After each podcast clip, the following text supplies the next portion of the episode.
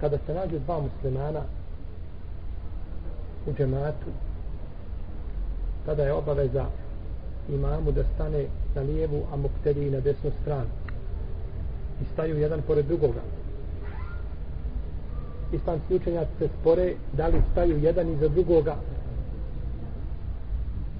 Da li su odmaknuti malo u stopalima do pola stopala ili su u istoj liniji tu postoji spor među islamskim učenjacima nikada niko nije kazao da čovjek koji klanja iza imama jedan stoji iza njega sop.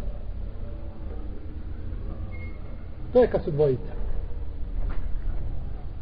jer se stajao nastav sa poslanikom sallallahu sallame, sam u safu, pa je došao drugi, pa je uzeo njih dvojicu, pa stao sa lijeve strane poslanikovi sallallahu alejhi Pa uzeo njih dvojicu i gurnuo ih nazad. Zašto se nije Allahov poslanik poslan pomirio na Da nije preče da se pomiri jedan nego dvojica. Da. Zašto se nije on pomirio? Pa ima pregradu, ima sutru. Kako će sam pomiriti ako ima sutru ispred sebe? Nema se kuda pomjerati, mora bi preko sutra i tako dalje, pa je to njemu opterećenje. Pa znači onda pomiri njih dvojicu nazad. I ispravno je da dvojica kada klanjaju da stoje u istoj liniji. Ovo govorimo je vezano za temu, zato što smo vidjeli večera slučaj da ljudi znači ne poznaju osnovne propise bez kojih čovjek sigurno da ne može praktikovati ispravno vjeru, a može, ne daj Bože, pokvar svoje ibadete pa doći pred Allah na ono sudnjem, dan, sudnjem danu pa da nema svoje ibadete ništa. Jer je obaveza čovjeku da nauči osnovne propise vjere da zna kako da bude musliman. To mu je obaveza vađi parz. Da kaže poslanik sallallahu alejhi ve sellem u hadisu koga bilježi Ibn Mađe i koji ima 50 različitih puteva kako kaže Imam Sujuti, talebul ilmi faridatun ala kulli muslim. Sticanje znanja je farz svakom muslimanu. Pa to ovoga hadisa. Sticanje znanja je farz. Ljudi misle da je od znanja mogu uzeti koliko hoću, šta naučim, naučim. Za sudnjem danu ćeš biti obračunavan za znanje kao za namaz. Isto. Fard, tariba, ala kulli muslim. I moraš od znanja steći ono da bi mogao znači upotpuniti svoj islam. Nisi dužan da moraš poznat mesele, eh, mišljenja, dokaze, nisi dužan to. To nije čovjek dužan, svaki. To je dužan jedna skupina ljudi koji su zovu ulema.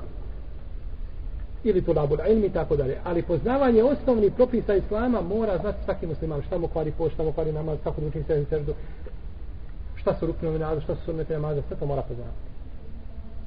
To je fars, to je ferijedat.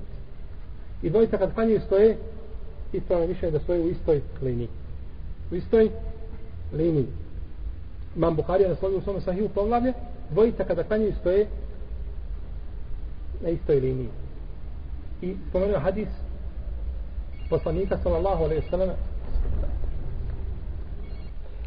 Imam Buhari naslovio poglavlje u svome sahihu znači kad dvojica klanjaju stoje u istoj liniji.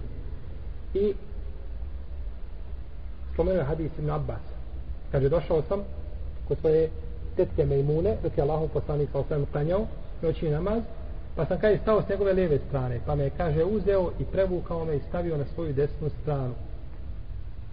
Svoju desnu stranu. Što se razumije, znači da su jedan bili u ravnini jedan pored drugog. I ovdje kada su u ravnini jedan pored drugog, u tome ćemo podrobnije govoriti kad dođemo do sapova, ravnaju se pete ili članci, ne ravnaju se prsti. Ne ravnaju se u sapovima prsti. To niko od telefa nikada nije radao prsti. To smo mi izmislili, to je naš bidat. Selef je ravno članke od ashaba pa nadalje. Ne znam da je iko ikada kazao da se ravnaju prsti. Jer kad bi se prsti ravnali, onda se onda ima duži i kraći stopala, a ibret je u članku ili stopalo nije ibret opće u prstima. Prsti mogu štrčiti malo, uglavnom da su tijela i prsa jedno na njim. Jer, jer je poslanik kao sam vidio ashaba koji je istorio svoja prsa u sapu, pa kaže, pa ga je gurno ovako, sapu nazad. Pa je znači ibret gdje u, u tijelima da budu ravna. A nije ibret znači samo da budu prsti ravni. Jer prsti se mogu poravnati, a tijela mogu biti potpuno naravno. I bilo je imamo Abdurazak u svojom sannefu od Selefa da su spomnjali znači da se da dvojica kad staju u sapu da staju u istu liniju. Allah ta'ala.